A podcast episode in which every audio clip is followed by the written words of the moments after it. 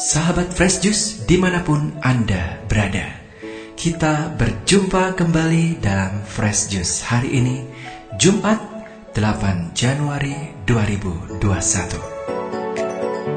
Bacaan dan renungan akan dibawakan oleh Father Roni Luni dari Sabah, Malaysia. Selamat mendengarkan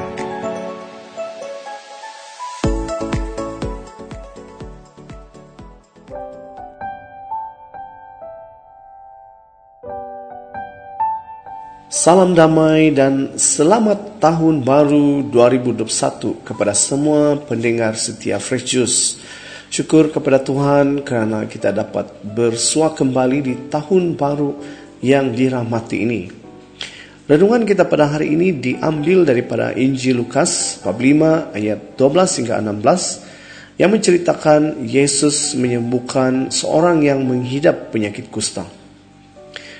Oleh itu, marilah kita mempersiapkan diri dan hati kita dengan hening seketika untuk mendengar dan menerima kabar sukacita Tuhan melalui firman-Nya. Pada suatu kali, Yesus berada dalam sebuah kota. Di situ ada seorang yang penuh kusta. Ketika ia melihat Yesus, tersungkullah ia dan memohon, Tuhan, jika Tuhan mau, Tuhan dapat mentahirkan aku. Lalu Yesus mengulurkan tangannya, menjamah orang itu dan berkata, Aku mahu, jadilah engkau tahir. Seketika itu juga lenyaplah penyakit kustanya. Yesus melarang orang itu memberitahukannya kepada siapa pun juga dan berkata, Pergilah, perlihatkanlah dirimu kepada imam dan persembahkanlah untuk pentahiranmu persembahan seperti yang diperintahkan Musa sebagai bukti bagi mereka. Tetapi kabar tentang Yesus makin jauh tersiar dan datanglah orang banyak berbondong-bondong kepadanya untuk mendengar dia dan untuk disembuhkan dari penyakit mereka.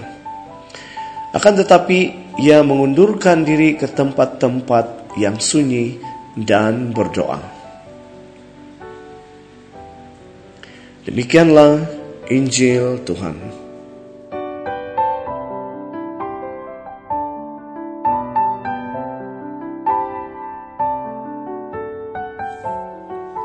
Saudara-saudari yang dikasih Tuhan, tidak terasa tahun 2020 telah berlalu. Kini kita telah memasuki dan berada di tahun yang baru yaitu tahun 2021. Sebagai umat beriman pada umumnya dan umat Katolik pada khususnya, kita tentu memiliki berbagai macam impian dan harapan di, di tahun 2021. Kita telah berdoa dengan menyerahkan semua rencana dan harapan di tahun ini, membiarkan Tuhan menyertai dan membimbing kita selalu pasti kita juga ada berdoa dan mengharapkan pandemik COVID-19 ini akan turut berakhir selepas kita mengakhiri tahun 2020. Namun peperangan kita belum berakhir lagi. Kita sering kali berseru kepada Tuhan, bilakah semua ini akan berakhir? Dan mampukah kita memutuskan setiap rangkaian virus yang sudah tersebar luas di seluruh dunia? Pada hari ini, kita mau sekali lagi bersujud di hadapan Tuhan. Seperti orang sakit kusta itu memohon, Tuhan, jika Tuhan mahu, Tuhan dapat menyembuhkan kami. Saudara-saudari, di dalam uh, Injilnya, um, Lukas menekankan kedudukan doa di dalam kehidupan dan pelayanan Yesus. Ketika Roh Kudus turun ke atas Yesus di Sungai Yordan, ia sedang berdoa. Seringkali ia mengundurkan diri dari orang banyak dan berdoa. Ia berdoa semalam malaman sebelum memilih kedua belas muridnya. Ia berdoa seorang diri sebelum mengajukan satu pertanyaan penting kepada murid-muridnya. Pada saat dimuliakan, ia mendaki gunung untuk berdoa pemuliaannya terjadi sementara ia sedang berdoa. Dan ia sedang berdoa sebelum mengajarkan doa Bapa kami kepada murid-muridnya. Di Getsemani, ia makin bersungguh-sungguh berdoa. Di kayu salib, ia mendoakan orang lain. Dan perkataan terakhir yang diucapkannya sebelum kematiannya adalah sebuah doa. Nah, Lukas juga mencatat bahwa Yesus berdoa setelah kebangkitannya. Kalau kita meneliti kehidupan Yesus dalam Injil-Injil lain seperti Matius dan Yohanes, kita tahu bahwa ia berdoa sebelum menyampaikan ajakannya. Marilah kepadaku semua yang letih lesu dan berbeban berat. Dia juga berdoa di kubur Lazarus dan pada waktu penetapan perjamuan kudus. Saudara dan saudari, kita diyakinkan bahwa Yesus bukan saja dapat mengajar kita berdoa, tetapi mengabulkan setiap doa permohonan kita. Seperti Yesus telah mendengar permohonan doa orang sakit kusta dan mentahirkannya. Kehidupannya sendiri merupakan contoh dalam hubungannya dengan Allah yang sempurna yang pernah dilihat dunia. Meskipun ia adalah inkarnasi dari anak Allah, ia tidak hidup sendiri. Ia tergantung kepada Bapaknya.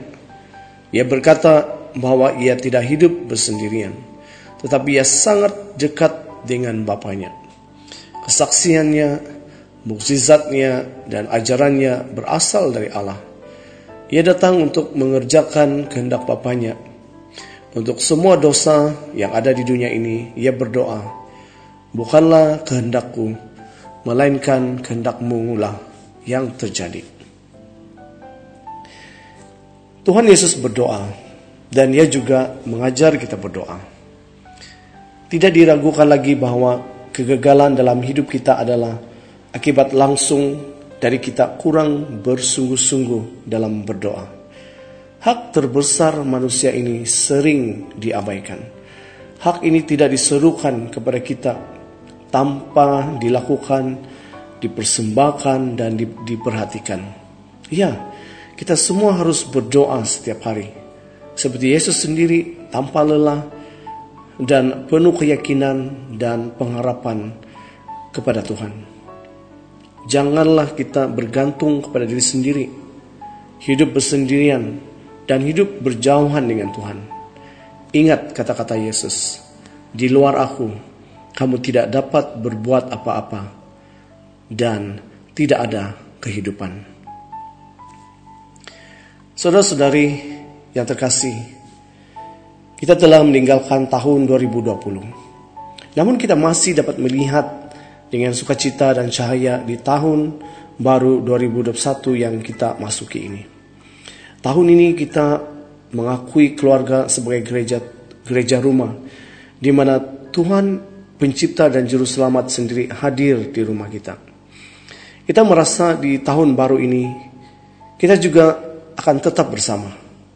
Dalam satu perahu kita akan menyeberangi lautan kehidupan ini. Tuhan dan Juru Selamat kita yang telah datang dan lahir di Bethlehem di Yudea akan berada di perahu kita bersama kita.